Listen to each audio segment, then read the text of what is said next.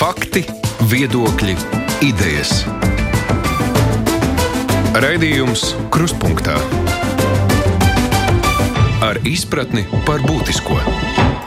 Studijā Mārija Ansone. Latvijas radio sāka projektu Garais gads jaunie pandēmijas sprostā, kurā runāsim par Covid pandēmijas ietekmi uz mūsu jauniešiem, tajā skaitā skolu absolventiem, studentiem un augstskolu beidzējiem, kuru pirmo darba pieredzi pandēmija iespējams padarījusi sarežģītāku. Un par to runāsim šodien. Garais gads Jaunie pandēmijas sprostā. Izglītības ministrija jau otro gadu apkopoja informāciju par augstskolu beidzēju darba gaitām un atalgojumu, kas noderēs, lai studiju virziens varētu efektīvāk pielāgot prasībām darba tirgu. Bet cik lielā mērā augstskolu piedāvājums tad atbilst šīm prasībām darba tirgu? Kā Covid pandēmijas izraisītā krīze, gan runājot par pārmaiņām, nodarbinātībā, gan izglītības procesā ietekmēs augstskolu beidzējus. Par to mēs runāsim ar diskusijas dalībniekiem. Kopā ar mums ir Izglītības un zinātnes ministrijas augstākās izglītības zinātnes un inovāciju departamenta direktora vietniece Diāna Laipniece. Labdien! Labdien! Tāpat arī Rīgas Stradiņa universitātes prorektora Tatjana Koķe. Labdien! Labdien! Latvijas darbdevēja konfederācijas izglītības un nodarbinātības jomas vadītājs Rihards Blese. Labdien! Labdien! Un ekonomikas ministrijas analītiskā dienesta ekonomists Normunds Ozols. Labdien! Labdien. Vispirms par šo izglītības ministrijas pētījumu. Tajā ir apkopot ziņas gan par pirms pandēmijas laiku, tomēr nu, vai šīs tendences ir saglabājušās. Tur ir minēts, ka augstskolu beidzējiem ir cerības uz lielāku atalgojumu, bet vai viņiem tagad ir cerības uz darbu? Mhm. Es varu tad īsumā trijos vārdos šīs pat nav pētījums, bet tāda mūsu iedibināta datu apmaiņas sistēma, kur mēs nododam datus par absolventiem personu līmenī centrālajai statistikas pārvaldē, un centrālā statistikas pārvalde savieno datus ar datiem no valsts ieņēmuma dienesta, nodarbinātības valsts aģentūras un citiem reģistriem. Un tā tie rezultāti tiek publicēti anonimizētā apkopotā veidā. Um, redziet, attiecībā uz, uz to salāgošanu starp absolventu profilu un darba tirgu, nu, pagaidām joprojām saglabājās tā tendence, ka līdz galam tas augsto piedāvājums nav salāgots ar darba tirgu. Un arī studējošu interese līdz galam neatbilst tam, ko prognozē ekonomikas ministrija attiecībā uz darba tirgu vidējā un ilgtermiņā. Proti, joprojām trūkst, jau trūkst un trūkst speciālistu piemēram, informācijas tehnoloģija jomā, damas zinātņu, inženierzinātņu jomā. Un ir uh, prognozējama absolventu pārprodukcija sociālo un humanitāro zinātņu jomā.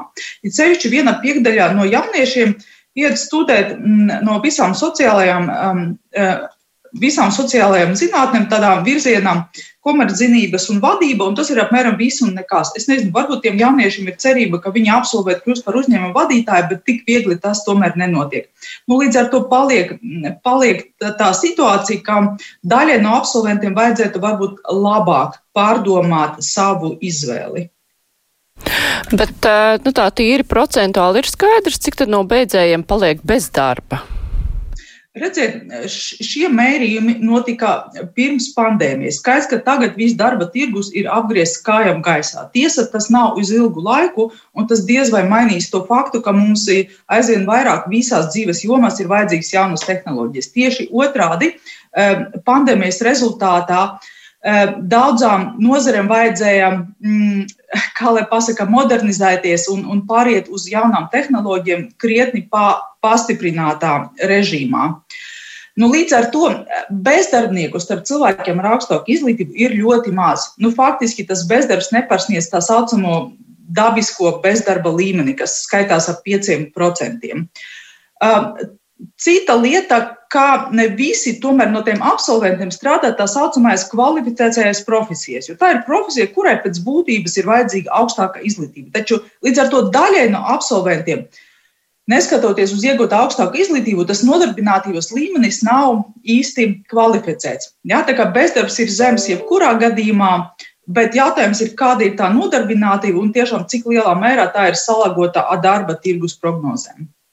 Koķskundz, kādi ir vērojumi attiecībā uz jūsu mācību iestādes beidzējiem? Es pieļauju, nu, mediķiem pilnīgi noteikti nav problēma nekāda, viņi šobrīd ir ārkārtīgi pieprasīti, bet, nu, ja mēs runājam par uh, citām jomām, vai jūs esat skatījušies, nu, kā sokas uh, tiem, kur pabeidz jūsu mācību iestādi?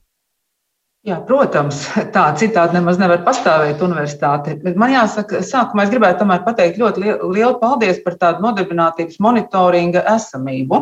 Un es domāju, ka tas lielākais iegūms ir tas, ka mūsu vidusskolu beidzēji mācīsies pieņemt lēmumu datos balstītu. Un tas jau ir ļoti lielisks solis, ka cilvēks izdara izvēli, argumentēt, un tad viņš arī pavisam citādi spēj sevi motivēt, sasniegt to rezultātu, ko grib. Bet par, tātad, par to, kā veidojas augstskolu, augstskolu programmas un, un, un kā tajās iestājās un kā atrod, atrod darbu. Es domāju, ka nevienai augstskolai un arī Rīgas Tradiņu universitātei nav cita mērķa, kā piedāvāt programmas, ar kuru cilvēks pēc tam dzīvē var pilnvērtīgi realizēties, atbilstīgi nopelnīt un tā tālāk. Tāpēc, protams, jūs jau minējāt veselības aprūpe. Veselības aprūpē vienmēr ir bijis speciālistu trūkums. Tagad, jo īpaši ir speciālistu trūkums, mēs zinām ļoti, ļoti mm, sliktu situāciju ar, ar māsu profesijā, ka 3000 pieprasīju, pieprasījums ir vai ne. Par to droši vien vēl runāsim šodien ra raidījumā.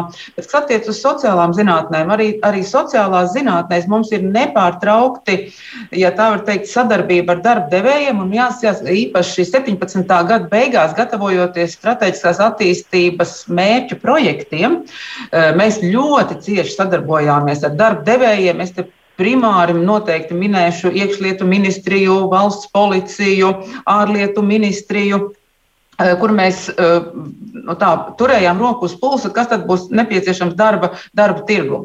Un faktiski tas, ko mēs izdarījām ar savām programmām un pastāvīgi darām, jo tas nav izdarāms nevienā dienā, ne arī pabeidzams, mēs studiju programmas maksimāli pārorientējām uz to, ka tās ir simulācijā balstītas.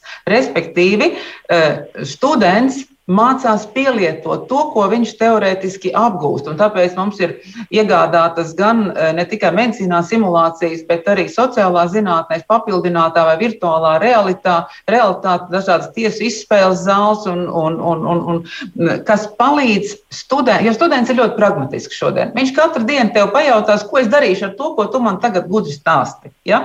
Un, un tas ir tas, ko mēs mēģinām teikt. Tu to pratīsi lietot, darba tirgus vai darba devējs to, no, to, to novērtēs. Un tāpēc man jāsaka, mums ir arī e, tāda institūcija kā padomnieku konvents, tad, kad vēl bija arī iespēja satikties e, ar noteiktu regularitāti, mums ir tur vairāki pārstāvji Latvijas rādio un televīzijas, no sociālo jomu pārstāvjiem, un visi vienmēr teica, ka viņi ar lielāko prieku savā darbā uh, uzņem RSU beidzē, beidzējs. Bet tas, ir, tas nav negadījums, tas, ir, tas nav nejauši. Mēs patiešām ļoti, ļoti daudz uh, darām un ieguldāmies. Un mūsu dekāni, mūsu līderi, viedokļu līderi, kas bieži ir radio viesi, tas viss veido programmas būtību. Tāpēc, ka cilvēkiem ir pieredze un viņi zina, kā šo pieredzi nodot jaunajiem. Tā ir ļoti liela vērtība patiesībā sakot. Tā ir ļoti liela vērtība. Šodien, pandēmijas laikā, protams, ka jauniešiem cilvēkiem eh, trūkst komunikācijas iespēja, kas droši vien atstās kādu iespēju, bet kopumā mēs arī tagad nepārtraukti, gan jau vēl šodien runāsim, veidojam jaunas programmas, domājam par nākotni, jo tā cerība ir jādod. Nu jā, par, par problēmām, kas ir saistītas, ko izraisa arī mācību procesā pandēmija, par to mazliet vēlāk. Šobrīd mēs esam sazvanījuši Latvijas studentu apvienības priekšsēdētāju Kristoferu Zēļuku. Labdien, Zēļukungs, vai dzirdat mūs? Jā, teikt. Jā, vai jūs varat raksturot, ar kādām grūtībām šobrīd saskaras studenti un arī beidzēji? Šobrīd, kad eh, visa ekonomika izjūt tādu zināmu satricinājumu, nu, plus vēl arī mācību process ir ļoti apgrūtināts. Jā, nu, pirmā tāda iespējams lieta - prakses iespējas, jo, nu, prakses iespējas ir pieejamas un, un tas brīži nav mainījies, bet te ir parādījusies, nu, aktualizēsies tā problēma ar atalgojumu. Tā kā līdz ar to arī Covid-19 ietekmē zūd šis finansiālais atbalsts arī bieži vien no studējošo ģimenēm, tad uh, studējošais var praktis, uh, praktizēties, izvēlēties uh, vietā, kur viņam maksā, bet uh, zemāk kvalificētā darba vietā, un kas iespējams arī potenciāli var neatbilst viņa šim te, um, studiju um, programmas saturam. Bet uh, par, um, par studijām, iespējām, pēc studijām, darbu un, uh, un uh, iespējām darba tirgu runājot, um, es, nu, mēs paužam bažas par to, ka potenciāli uh, vēl vairāk varētu parādīties tas, ka darba devēji izvēlas uh, jau ar pieredzē, pieredzējušākus šos darbiniekus un, uh, un um, aizveras tās durvis tik ļoti jaunajiem speciālistiem, kurus iespējams papildus ir jāmāca un uh, jāiegulda, ņemot vērā to, ka nu, bieži vien uh, jā, jāpievelk šīs jostas arī darba devējiem. Ir. Bet, ja mēs runājam par uh, mācību procesu, it īpaši nu, tiem, kuriem būtu jāpabeidz un šie te jāizstāv noslēguma darbi, nu, vai tur ir problēmas kaut kādas tieši nu, ar mācību kvalitāti, ja viss notiek attālināti un trūkst komunikācijas arī ar darbu vadītāju, nu, vai tur nevar rasties nu, kaut kāds tāds zināms iekritiens, kas arī nu, var atstāt iespaidu pēc tam uz iespējām strādāt? Protams, šis ir arī nu, izaicinošs laiks un, un, um, un nav iespējams šīs klātienes konsultācijas, kas uh, dažkārt ir nepieciešamas. Uh, un, uh, arī dzen, tas uh, viss um, darba veidošanas process, ka nav iespējams uh, pilnvērtīgi iespējams aptaujas veikt. Un, un, un arī um, nu jā, tas, ka tas viss notiek attālināti, un arī materiālu trūkums un, un pieejamība materiāliem arī ir ierobežota šajā attālinātajā vidē. Uh, Jo īpaši, ja studē studējošais Rīgā, bet šobrīd atrodas reģionos, tad sanāk līdz bibliotekai, lai tiktu pie šiem materiāliem, arī nu, būtu jādodas uz Rīgu, tur, kur tas ir iespējams tikt bibliotekās. Bet vai ir veikts kādas aptaujas, nu, cik liels tad ir atbirums tīri finansiālu apsvērumu dēļ, nu, tajā, ka studenti vienkārši vairs nevar atļauties mācīties? Šobrīd šādu pētījumu neesam veikuši. Tas mums ir padomā, mēs veicām pavasarī pirms gada, bet, bet nu, nedomāju, ka šobrīd šie dati būtu aktuāli par atbirumu. Tur ir jāskatās mazliet vēlāk. Būtu. Mm -hmm. Jā, labi, es teikšu paldies Kristoferam Zēļukam, Latvijas studentu apvienības priekšsēdētājam. Bažas, kas izskanēja no studentu pārstāvi, ka darba devēji šajās, šajā laikā drīzāk izvēlēsies pieredzējušākus darbiniekus, un mēs jau arī redzam Latvijas bankas ekonomistu apkopotajos datos, nu, ka krīze parasti un arī tagad visvairāk skar tieši jauniešu nodarbinātību, ka vecumā līdz 30 gadiem, nu, diemžēl vairāk cilvēki vai nu zaudē darbu, vai nu, viņiem ir grūtāk atrast darbu. Nu, kā tas izskatās no darba devēja viedokļa, vai viņi nu, tad dod šādos apstākļos priekšroku pieredzējušajiem, ne jauniešiem? Uh, jā, uh, Pirmkārt, arī gribu pateikt paldies Izglītības zinātnes ministrijai par šo jau, var teikt, tradīciju, ka katru gadu pavasarī ir pieejami šie dati. Un, uh, kopumā mēs, protams, priecājamies par uh, augsto nodarbinātību, salīdzinoši arī, arī salīdzinoši labu atalgojumu, kas ir cilvēkiem, kas pabeidz uh, augstāko, iegūst augstāko izglītību. Uh, par šo uzdoto jautājumu uh, jāsaka, ka Jāņem vērā, ka tieši šajā periodā, kamēr jaunieši studē, tātad droši vien līdz, līdz 25 gadu vecumā, aptuveni citi studē vēl ilgāk, viņi bieži vien ir nodarbināti arī profesijās, kuras nav saistītas tieši ar, ar viņa izglītības jomu. Tātad mums pakalpojumu sektorā strādā daudz jauniešu, piemēram, un, kā mēs zinām, arī, arī turismu sektorā, arī ēdināšanas sektorā. Un, attiecīgi, Protams, ka pandēmija ir, ir atstājusi ļoti lielu ietekmi tieši uz šiem sektoriem, un skaidrs, ka tas ir ietekmējis arī šos studējošos, kas parasti piepelnījās vai, vai savu, savu iztiku nodrošināja tieši strādājot šādus darbus. Tas noteikti ir nu, viens no tiem galvenajiem aspektiem, kas ir ietekmējis tieši jauniešu nodarbinātību šobrīd. Nu, jā, vienlaikus, vienlaikus noteikti uh, gribam uzsvērt, ka uh, tieši, uh, tieši izvēle par labu STEM uh, jomas mācībām ir viena no tām veiksmes atslēgām. Un, uh, mēs redzam, ka ļoti daudz jauniešu ir nodarbināti jau studiju laikā, un principā visās jomās, arī maģistrātūrā, uh, 75% jauniešu jau strādā. Un, protams, ka tā rekomendācija ir meklēt iespēju strādāt tieši savā jomā. Un, kā jau Kristofers Zeļuks iezīmēja, tas, tas nereti ir, ir, protams, izaicinājums. Laipnīcas kundze jau iepriekš minēja, ka studējošo interese nu, lielā mērā arī neatbilst ekonomikas ministrijas prognozēm par darba tirgus tendencēm. Tagad, nu, arī kā izteicās šodien Tirzniecības rūpniecības kameras pārstāvs Latvijas radio plaisa starp izglītību un darba tirgus tendencēm varētu vēl palielināties.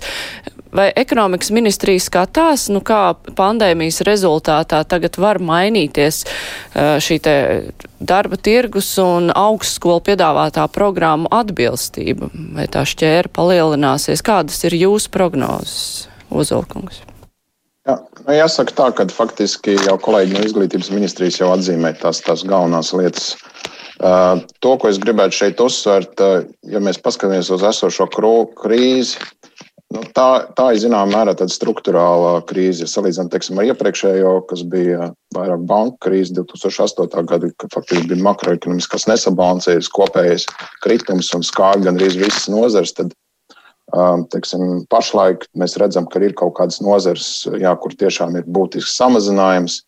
Un savukārt ir nozars, kas nu, diezgan labi teiksim, pārvar šo krīzi un, un ir vērojams pat izaugsme. Un šis lielā mērā arī atstāja faktiski arī uz nu, to ietekmi, diezgan būtisku ietekmi uz, uz darba tirgu. Ja mēs pateiksim, paskatāmies šo darbspēku pieprasījumu struktūru, jā, tad mēs faktiski redzam, ka cilvēki ar augstāko izglītību. Nu, šie, šī ir faktiski vienīgā grupa, ko mēs redzam teiksim, 20. gadā, kur nodarbināto skaits ir audzis. Pārējās grupās ir faktiski samazinājies. Un visvairāk šī tieši tiek skarti šie cilvēki ar zem izglītības, nu, mazkvalificētās darbvietas. Ja mēs skatāmies profesiju griezumā, arī tas pats faktiski gan arī viena trešdaļa no kopējā nodarbinātā skaita samazinājuma vērojama tieši šajās vienkāršajās profesijās. Un, tad, tad, nu, ko es Tātad, ņemot vērā arī šo struktūru, teiksim, darbspēku pieprasījuma struktūrālās izmaiņas, jo īpaši krīzes laikā, nu, šī pandēmija, eh, ņemot vērā šīs te automatizācijas tendences, dažādi tehnoloģisko ie, risinājumu ieviešanu, ko, ko prasa faktiski krīze, tad arī eh, nu, ceļ šo pieprasījumu pēc augstu kvalificētu darba spēku. Runājot, nu, tā galvenā problēma, protams, to, ko mēs arī redzam jau iepriekšējos gados, un īpaši tajā mirklī, kad ir veidojies tieši nu, visšaurākās punkts starp pieprasījumu piedāvājumu, respektīvi, tad, kad iet uz augšu darba tirgus, tad vislabāk var, var, var izteiktāk redz, redzēt šīs neatbilstības. Un jā, nu arī pašlaik faktiski tas, kas, tas, kas ir, teiksim, Tur kur, tur, kur šīs neatbilstības eh, veidojas, tas arī faktiski ir šīs STEM jomas, kur, kur, eh, kur pietiekami strauji arī, ja mēs skatāmies programmu, eh, teiksim, izglītības programmu griezumā, tematisko grupu griezumā, tad nodarbināto skaits ir audzis teiksim, dabas zinātnēs, informācijas, komunikācijas tehnoloģijas zinātnēs, nu, ņemot vērā visu šīs pandēmijas procesu. Un, un, un, un savukārt, teiksim, kaut kādā mērā viņi, teiksim, samazinājās pirms komunitārās zināšanas šajās jomās. Lai gan, ja mēs skatāmies teiksim, šo te sociālo zinātņu grupu, arī tāpat ir kaut kāds teiksim, mazākā apmērā pieaugums, bet tāpat ir vērojams kaut kāds šis nodarbinātības pieaugums. Uh, mm, Bet, un, ja es pareizi sapratu, jūs būtiskākais, mm, ko, ko es gribēju, ja mēs paskatāmies struktūru, teiksim, kā, kur šie cilvēki ar augstāko izglītību ir nodarbināti, tad, tad tā galvenā problēma ir, ka tikai uh, aptuveni divas piekdaļas no visiem teiksim, tiem, kas ir ieguvuši augstāko izglītību, ir nodarbināti augstākās kvalifikācijas profesijās. Un šī, nu, manā ieskatā, un arī ekonomikas ministrijas ieskatā, tomēr šī ir visbūtiskākā problēma. Ka cilvēki Šeit, gan ir, šeit ir runa nav teiksim, par pēdējiem teiksim, datiem. Tas ir teiksim, pa visu šo, te, ja mēs runājam par visu, visu tātad, teiksim, šo te darbspēku kopu, respektīvi tie, kas ir pabeiguši ar 90. gados, nu, tie nav teiksim, šie te, uh, izglītības monitoringa dati, bet nu, faktiski skatoties uz kopējo darbas tirgus situāciju, tad, nu, tad faktiski uh, divas piekdaļas tikai divas piekdēļas tiem, kam ir augstākā izglītība, ir nodarbināti šajās augstākās kvalifikācijas teiksim, profesijās. Un pārējā daļa tā tad ir faktiski zemāk līmeņa profesijās. Tas nozīmē, ka tas, ko jūs minējāt, ka visvairāk krīze ir skārusi zemu apmaksātās, zemu apmaksātos darbiniekus, vienkāršās profesijas, ka tur arī varētu būt šie augstskolu beidzēji iekšā, kurus ir krā, skārus krīze. Respektīvi, augstskolas diploms nebūtu negarantē, ka cilvēki arī strādā savā izvēlētajā profesijā. Nu, jā, nu, daļai tā var teikt. Nu, faktiski tik dziļi varbūt mēs neesam skatījuši specifiski teiksim, programmu, kā, kā ir šis mainījies šis nodarbinātības. Bet arī tā skaitā daļa, teiksim, šie te, vai nu tie ir, teiksim, kas ir pēdējos gados absolvējuši augstskolas, vai arī iepriekšējos gados, ir, protams, ir kaut kādi teiksim, cilvēki, kas ir nodarbināti šajos zemāk līmeņa teiksim, profesijās, un arī tā skaitā ir bijis kaut kāds šis kritums. Bet jāņem jā vērā tas, ka, protams, raugoties no darba devēja viedokļa, primāri jau to, tomēr tiek atteiksim, faktiski šis atbrīvoti vai, vai teiksim, cilvēki, ar, kam, ir, kam šis izglītības līmenis ir, ir zemāks. Nu, kā jau teicu, faktiski kopumā, ja mēs skatāmies pēc izglītības nodarbinātos skaits, faktiski ar augstāko izglītību ir audzis. Tas nozīmē, ka Un savukārt pārējās grupās ir skrities. Tas nozīmē, ka eh, tomēr tā faktiski vislielākais samazinājums, teiksim, ja mēs skatāmies no cilvēka, tad primāri tiek atbild, ka cilvēki ar zemāku izglītību. Laipnieces kundze, šeit izskanēja skaitlis divi, divas piekdaļas no visiem nodarbinātājiem ir uh, augsts, no, no augstsko beidzējiem, ne, bet uh, no nodarbinātājiem ir augsts kvalifikācijas profesijās, bet, uh, ja mēs skatāmies pēdējo gadu dati vai, nu, tiem studējošajiem, bijušajiem studentiem, kur beiguši pēdējos gados, viņu izglītība ir tāda, nu, te konkurētspējīgāka, viņi ir labākā situācijā. Mm. Jā, jo redziet, tas, ko minēja kolēģis no ekonomikas ministrijas, tur jau tiešām arī 90. gadu beidzēji par tiem nevarēšu izteikties. Bet tas secinājums no tā ir, ka, redziet, nav nozīmēs tikai ķeksītim, man ir augstāka izglītība. Nozīme ir tās izglītības kvalitātei un modernajam saturam. Ar jaunāko gadu absolventiem, ar pēdējo divu gadu absolventiem, par kuriem mums tagad ir tā tā, tie monitoringa dati, tā bilde ir labāka. Tur vidēji 80% no augstskolu absolventiem un 75% no koledža absolventiem strādā kvalificētajās profesijās. Taču, protams, šīs vispārējais skaits uh, slēp sevi virkni nianšu. Un šis ir, vis, šie ir ļoti interesanti dati no monitoringa. Katram, kas šogad pabeidz skolu un, un domā par to, kur iestāties, kur turpinās studijas, uh, Es iesaku iepazīties ar šiem datiem, kas ir publicēti gan mūsu ministrijas mājaslapā, gan atvērtu datu portālā.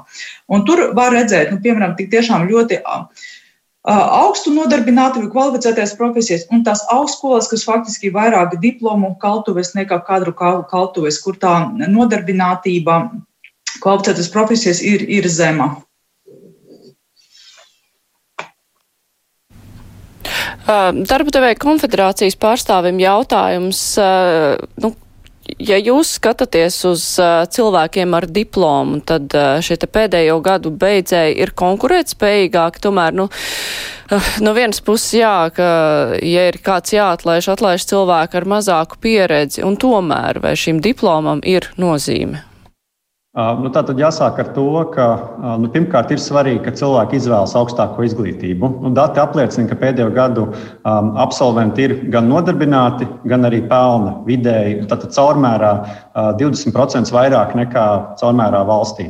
Tātad pirmais uh, ziņa, kas ir jāsūta šobrīd jauniešiem, jā, studējiet, lūdzu, studējiet, un tā jums būs jūsu veiksmes atslēga. Tātad, uh, tas ir punkts viens.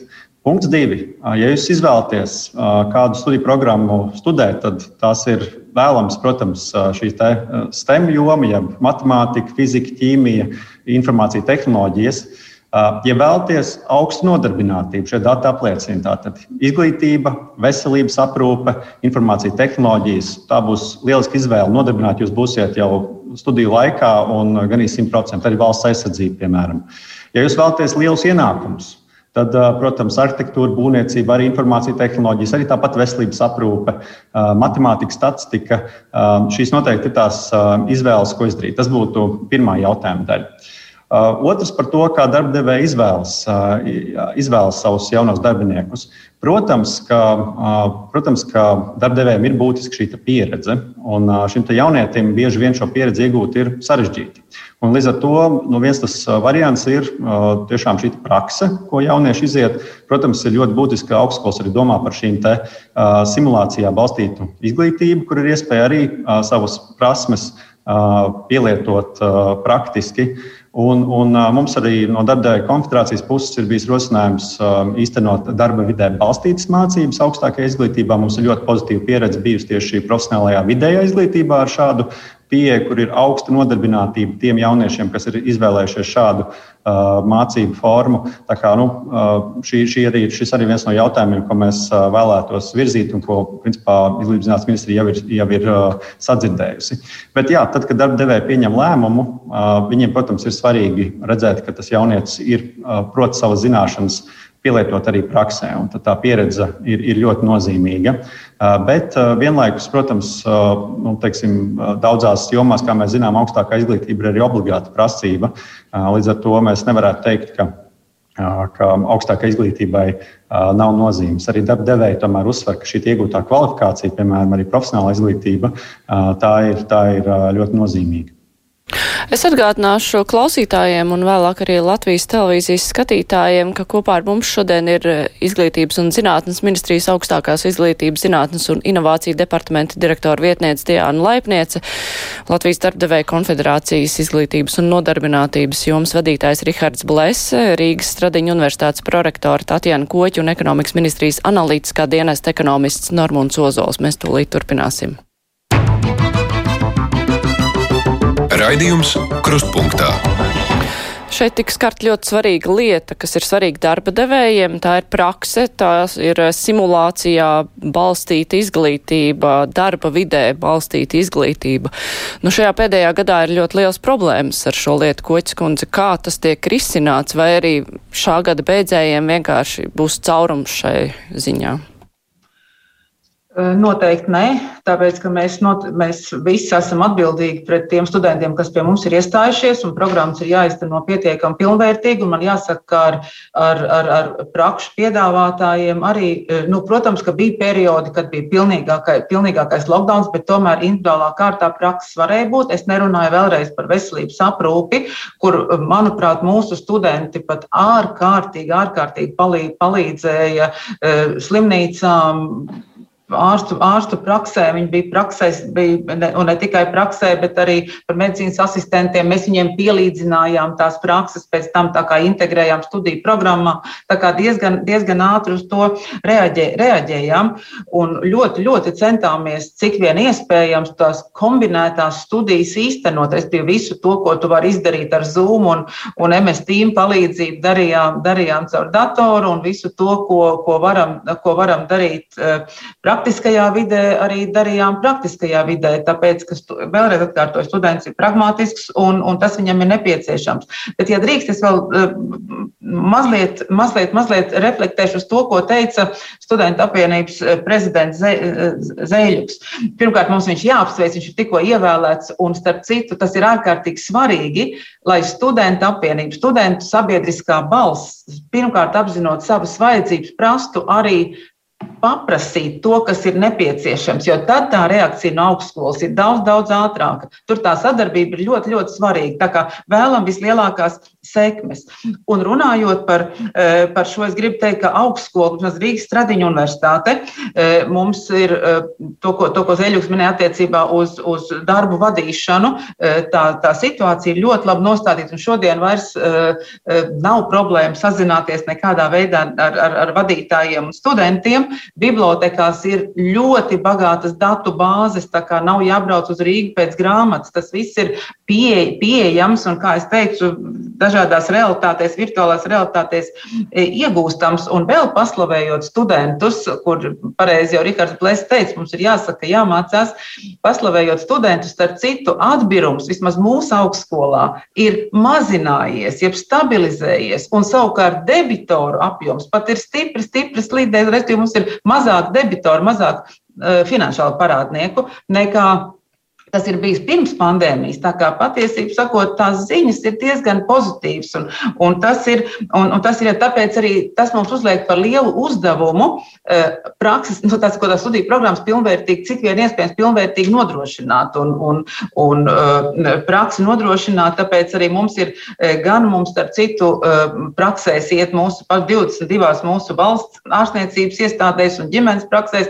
Mums ir arī ārvalstīs prakses gan Itālijā, gan Vācijā, Izraēlā. Izrēlā, kur nav apstājušās šīs prakses. Tā kā mēs maksimāli visu, ko vien, ko vien, ko vien varam, darām. Un arī tagad, veidojot jaunas programmas, jau ļoti skatāmies uz to, lai tas praktiskais komponents būtu nu, ļoti būtiski iezīmēts. Ja? Nu, kā piemēram, var veselības vadība, jauno programmu starptautiskais biznesa un jaunu uzņēmumu darbība, kas ir ļoti uz praksi orientēta un ar darba devējiem ciešā, ciešā sazobē veidota. Bet, ja drīkst, kamēr es tiku pie vārda, es vēl vienu, vēl vienu tomēr gribētu atziņu pateikt. Mēs runājam nepārtraukti par šo nesadarību starp studentu izvēli un darba tirgu.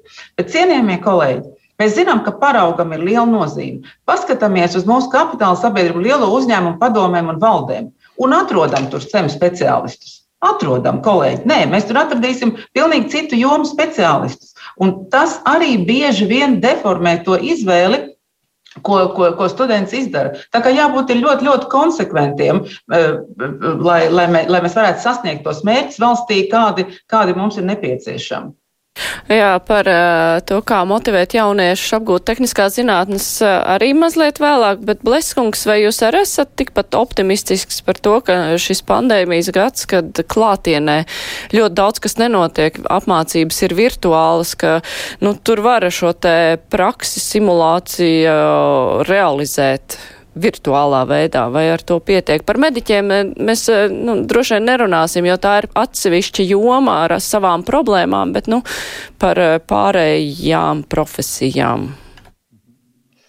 Jā, paldies par jautājumu. Patiesi, visvairāk mēs, bijām, mēs esam uztraukšies tieši par protams, to posmu, kur šīs pašvadītas mācīšanās prasmes ir viszemākās. Tātad sākuma skola, pamatskola, un, un tur noteikti izaicinājumi ir vislielākie. Augstākajā izglītībā jauniešiem vajadzētu jau būt ar, ar lielākām šīm pašvadītās mācīšanās uh, prasmēm. Līdz ar to teiksim, mēs domājam par tādu teorijas apguvi. Uh, tad augstākajā izglītībā vajadzētu būt mazāk izaicinājumu saistībā ar šo. Kas attiecas uz, uz praktisko daļu izglītībai, Tur, protams, ir bijuši daudz ļoti objektīvi uh, ierobežojumi. Mēs, kā Latvijas Darbdevēja konfederācija, esam iestājušies par to, ka ir uh, nu, maksimāli jādod iespēja studentiem, tā skaitā arī studentiem, uh, šos praktiskos darbus īstenot. Sākotnēji bija atļauja to darīt viens uz viens ar mācību spēku. Tas, protams, bieži vien nav tā vienkārši īstenojams, jo studentu skaits mēdz būt arī gana liels. Un uh, mācību spēka kapacitāte ir tāda, kāda ir, un arī laboratorija kapacitāte droši vien ir tāda, kāda ir. Um, līdz ar to mēs uh, nu, priecājamies par to, ka ir nedaudz palielināts šis skaits, cik var darboties vienlaicīgi ar, ar, um, ar šo mācību spēku vienā telpā. Un, mūsuprāt, tas ir ļoti nozīmīgi. Tātad šo praktisko prasmu apgūvu, jo uh, darbdevējiem tās ir nu, izšķiroši, izšķiroši, izšķiroši nozīmīgas. Uh, otrs aspekts par praksēm. Protams, tieši tas pats aspekts arī visu laiku bija ierobežots tas, nu, kāds, kā, kā var strādāt prakses vadītājs ar praktikantu. Tad viens uz viens principā tagad ir, ir lielākas iespējas. Un, un, nu, tas arī, protams, rada, rada izaicinājumus. Un, nu, šajā gadījumā, protams, ir svarīgi, ka jaunieši var iziet šo praksi. Tad gan augstskolām, gan arī citām izglītības iestādēm ir jādomā, kā pārplānot šo procesu tā, lai tomēr būtu iespēja šīs prakses iziet. Un, un nereti arī mēdz būt gadījumi, kad praksa ir arī vasarā, ko jaunieši izvēlas varbūt arī, varbūt arī brīvprātīgi. Un, un, nu, tas ir risinājums, ka varbūt šī epidemioloģiskā situācija ir, ir labāka. Bet nu, katrā ziņā mēs uzsveram to, ka samazināt prakses apjomu tikai tāpēc, ka ir epidemioloģiskā situācija slikta, nedrīkstētu. Jāmēģina darīt viss, lai jauniešiem tomēr ir iespēja iegūt šo praktisko pieredzi. Ozolkungs, kādas ir jūsu prognozes, vai te, šīs pārmaiņas izglītībā un nu, kaut kāda roba, ko varbūt nesīs pandēmija, vai tas atstās kādas sekas? Nu, jāsaka tā, ka, nu, protams, es, es pieņemu, ka uh, jau esošā situācija nu, kaut kāda ietekme visdrīzāk būs. Uh, jau, jautājums ir, tā, cik, cik lielā mērā mēs spēsim pielāgoties šiem jauniem apstākļiem, tā skaitā arī izglītības sistēmā. Bet to, ko es gribētu uzsvērt, protams, šī uh, darbvidē balstīta mācību komponente ir ļoti būtiska. Ja mēs nu, mēģinām salāgot teiksim, šo te, uh, darba tirgus vajadzības ar izglītības saturu. Jāņem vērā, ka faktiski nu, tas darba, darba, teiksim, darba tirgus vajadzības nu, mainās krietni vien straujāk nekā teiksim, izglītības saturs. Un faktiski caur šo te, uh, darba vidē, uh, faktiski šo prakses komponentu, protams, uh, ir iespējams kaut kādā mērā salāgot daudz labāk šīs aktuālās tendences arī ar šo mācību saturu. Un viņi, nu, nu, pilnīgi noteikti viņi ir nepieciešami. Uh, uh, nu, Protams, kaut kāds šis laiks, īpaši jau 20. gads, arī visdrīzāk šis gads, nu, kaut kādu robu atstās uz, uz šiem te, nu, jauniešu praktiskām ziņ, zināšanām. Bet nu, es, es pieņemu, ka arī kaut kādā mērā ir iespējams nu, šīs te, gan arī tieši, ko jau kolēģi no darba devēja ko, ko, konfederācijas minēja, nu, tā arī teiksim, kaut kādā pašu, pašvadītām vai caur teiksim, šis paš, pašizglīt, teiksim, pašapmācības ceļā arī nu, kompensēt kaut kādā mērā šīs vajadzības. Jo, kā jūs faktiski minējāt, nu, tas ir, ja šodien teiksim, kaut kādas lietas ir aktuālas darba tirgu, un tad teiksim, nākamā, teiksim, jau nākamos gados jau faktiski tās, tās lietas, jau var, tas, tās problēmas jau tiek risinātas pavisam savādāk. Un tas nav tik primāri. Protams, šī praktiskā komponente ir ļoti svarīga, teiksim, lai, lai sasaistītu esošās vajadzības, bet teiksim, tas, tas pamats jau tomēr ir nu, pašas šīs skolas, kas arī kas iedod cilvēkam nu, to, to, to, to bāzi, kur tālāk viņš var, var, var apaudzēt ar šīm te.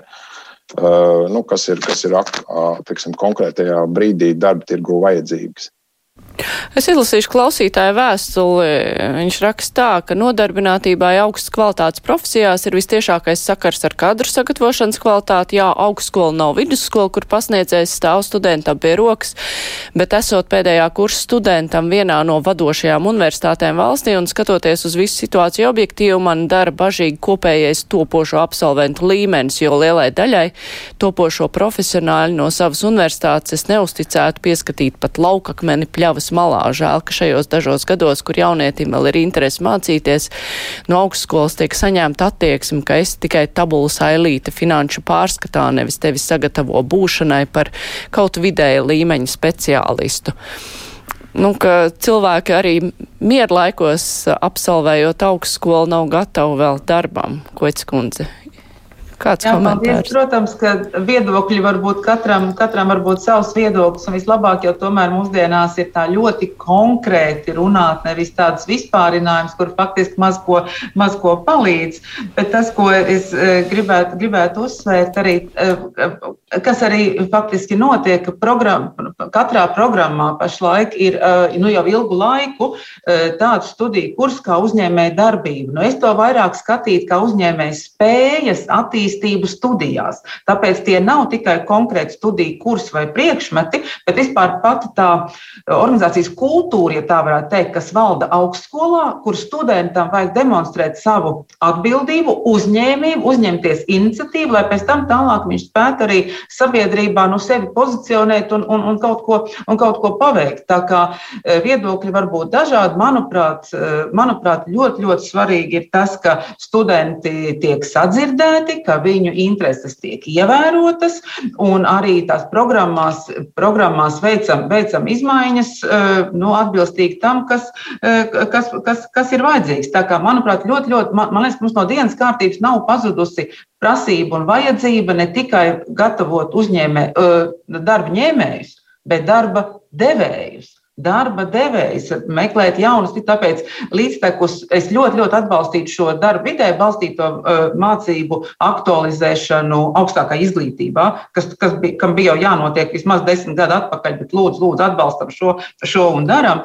Bet līdztekus tam arī ļoti, ļoti svarīga ir augstskolu iespēja pašlaik startautiskai sadarbībai. Makrona iniciatīva, EIT iniciatīvas, kur faktiski jaunie cilvēki iegūst plašākus apvāršus un skatās, ko no no tā var realizēt nu, savā mājās, Latvijā. Tā, tam arī ir ļoti liela nozīme. Līdz ar to neko jau konkrētāk nevar pateikt, kā vien uz vietas stāvēt nevaram. Meklējam nepārtraukti jaunas iespējas, dzirdam studentus, eh, gan viņu radītās iespējas, gan viņiem radam, radam tās iespējas. Un tāpēc, nu, piedodiet, vēlreiz izmantošu iespēju un teikšu, ka RSU patiešām izskatās labi šai monitoringā. RSU labi izskatās visās studiju programmās nodarbinātībā, un mēs ļoti lūgti, ja runājam par darba tirgus un studiju programmu atbilstību, budžeta vietas eh, plānojot, ļoti to ņemt vērā un rēķināties ar tām augstskolām, kuras dod labu rezultātu darba tirgumu. Ja, tas ir ārkārtīgi svarīgi. Mākslinieks pat, nu, kur, kuram var paskaidrot, kāpēc trūks 3000 mākslinieku un, un trūks budžeta vietu. Kam to, kā, kāpēc? Tas būs reāli cilvēki, kas ies darba tirgu un kuriem būs darba vietas. Un nu, tādu jomu ir ārkārtīgi daudz. Un tie jautājumi, kas arī saistās ar atalgojumu politiku, kas arī, protams, tiek mainīti, bet jā, medicīna un medicīnā strādājošie, tas ir vēl atsevišķi ļoti plašs jautājums, bet ļoti būtisks jautājums no klausītāja puses, klausītājas puses. Nu, kā tad motivēt tos jauniešus apgūt tehniskās zinātnes? Par šo runāts daudz, gadiem ilgi, bet praktiski kā motivēt? Rodas iespējas, ka eksperti skatās uz politiķiem, pēc konkrētas rīcības politiķi gaida no no ekspertiem kādus risinājumus, taču izskatās, ka neviens īsti nezina, kā to darīt praktiski. Laipniecis kundze. Man ir visas atbildes. Mm -hmm. Joks.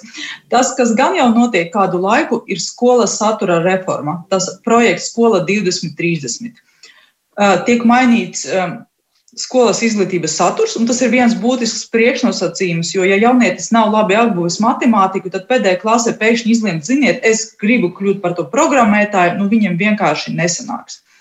Līdz ar to tad, tad tiek palielināts gan matemātikas stundu skaits, gan matemātikas apguvē tiek sadalīti trijos līmeņos, un, un tiem līmeņiem, kas potenciāli ir spējīgi studēt kaut kādā relevantajā jomā, viņiem arī tiek īpaši strādāts pie tiem klupšanas akmeņiem, kādēļ bieži vien viņi pēc tam mēdz atbirt, atbirt augstskolā, ja netiek galā ar, piemēram, uh, programmēšanai nepieciešamu, nepieciešamu matemātiku.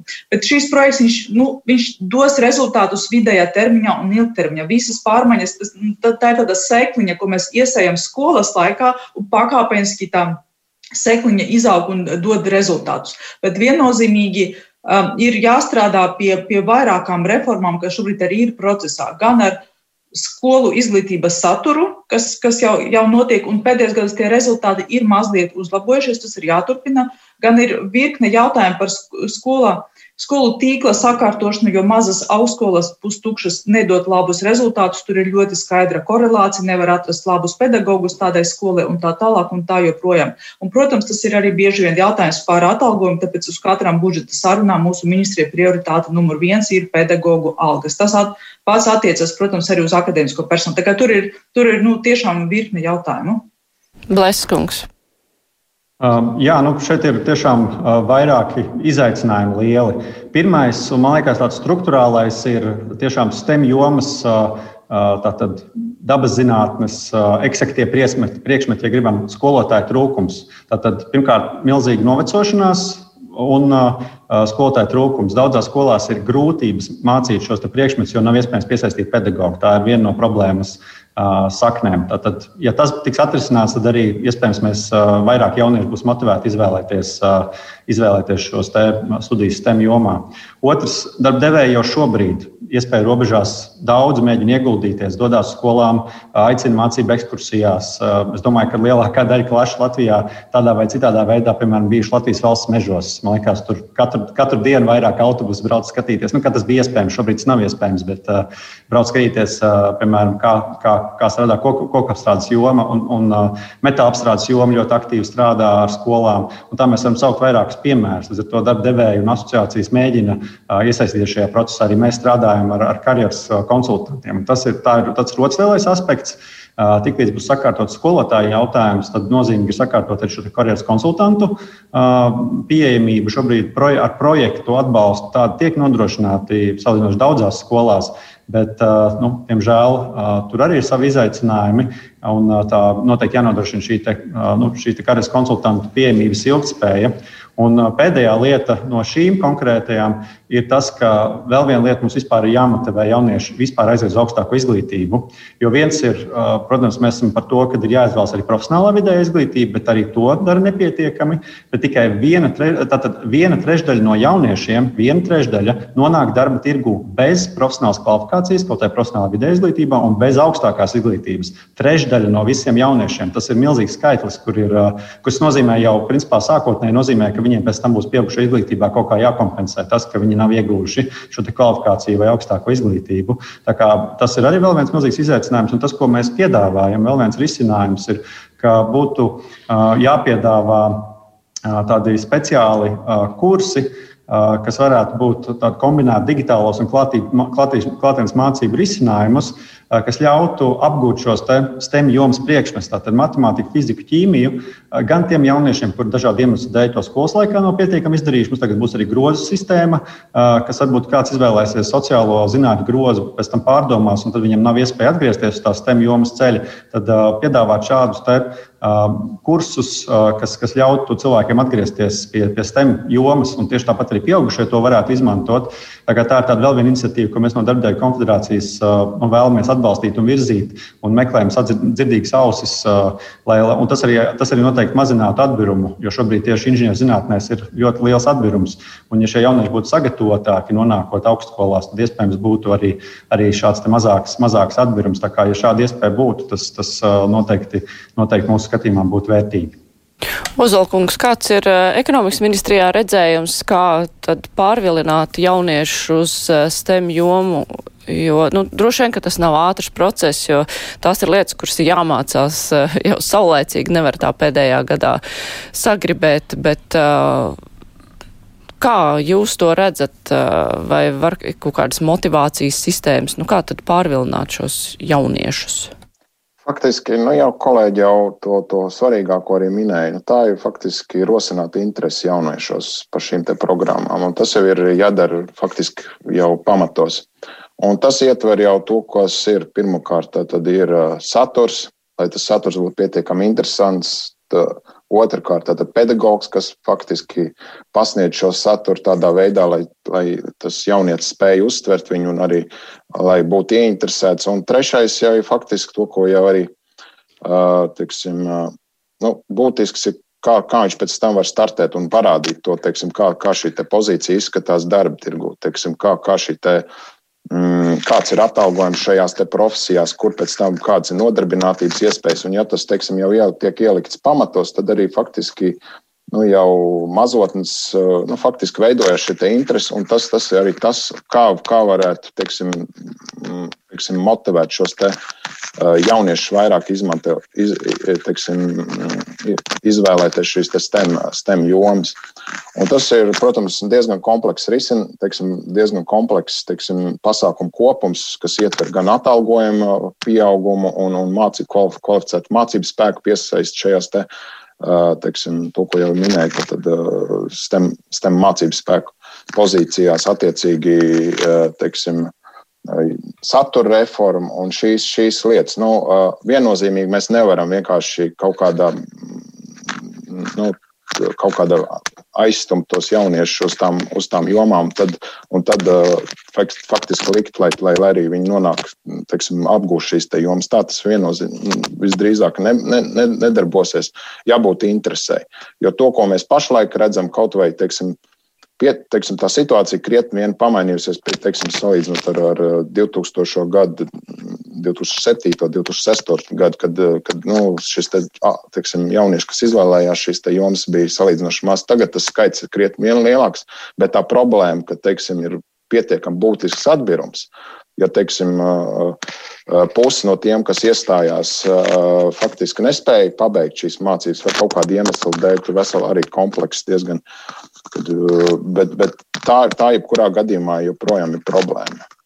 Un tas, tas ir diezgan, nu, tas nav viennozīmīgi. Nav tāds viens vai divi risinājumi. Tas ir jāskatās diezgan kompleksi.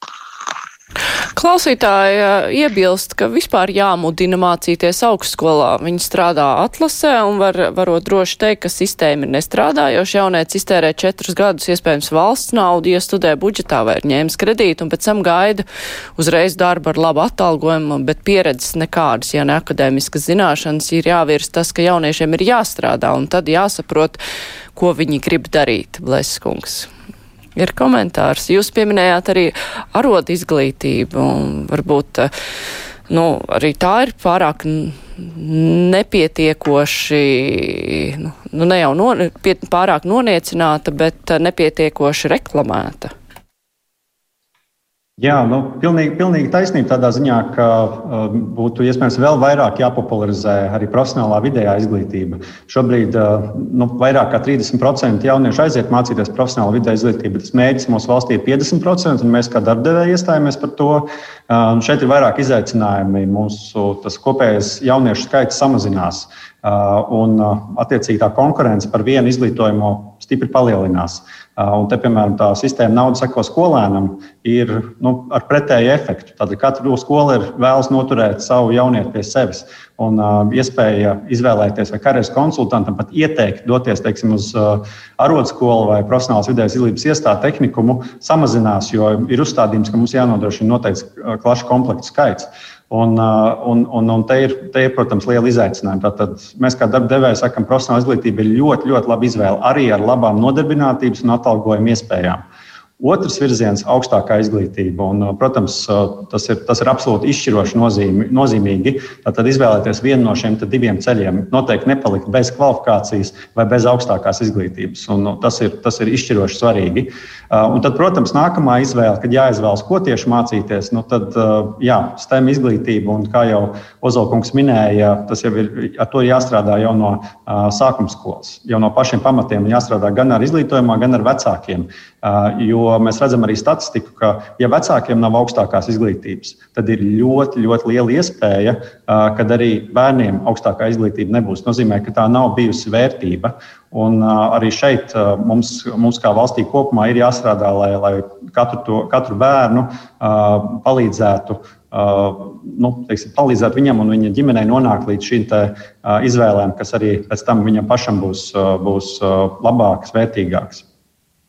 Laimniec, jā, bet ļoti īsi. Un pateikt, ka augstskolām pašlaik ir ļoti, ļoti labi aprīkota studiju vide, kas var rosināt skolēnu interesi par tām profesijām un, un, un tām jomām, kuras ir nepieciešams valstī. Un tāpēc es redzētu sadarbību skola, industrija, augstskola ar savu bagāto studiju vidi, kas varētu mainīt, un, un, un, un, un lietas šajā ziņā notiek. Un mēs varētu arī kaut kādus kompensējošos kursus piedāvāt un tā tālāk. Bet vēl, kolēģi, viena lieta. Mēs esam pilnīgi aizmirsuši visā pasaulē. Skaisti funkcionē zinātņu tehnoloģiju centri, kur bērni var iet un atklāt, veikt savus atklājumus. Mēs esam pilnīgi to aizmirsuši. Tas ir numur viens. Nezinu, atvesļošanās nauda vai cita nauda, bet tas ir tas, kas nepieciešams. Bet par to ir jādomā, jā, bet uh, arī jāgaida, kad beidzot varēs izglītības process būt normāls, uh, lai visu šo labo studiju vidi varētu izmantot pēc pilnas programmas. Diemžēl pagaidām universitāšu ēkas ir tukšas, jo tur nevar mācīties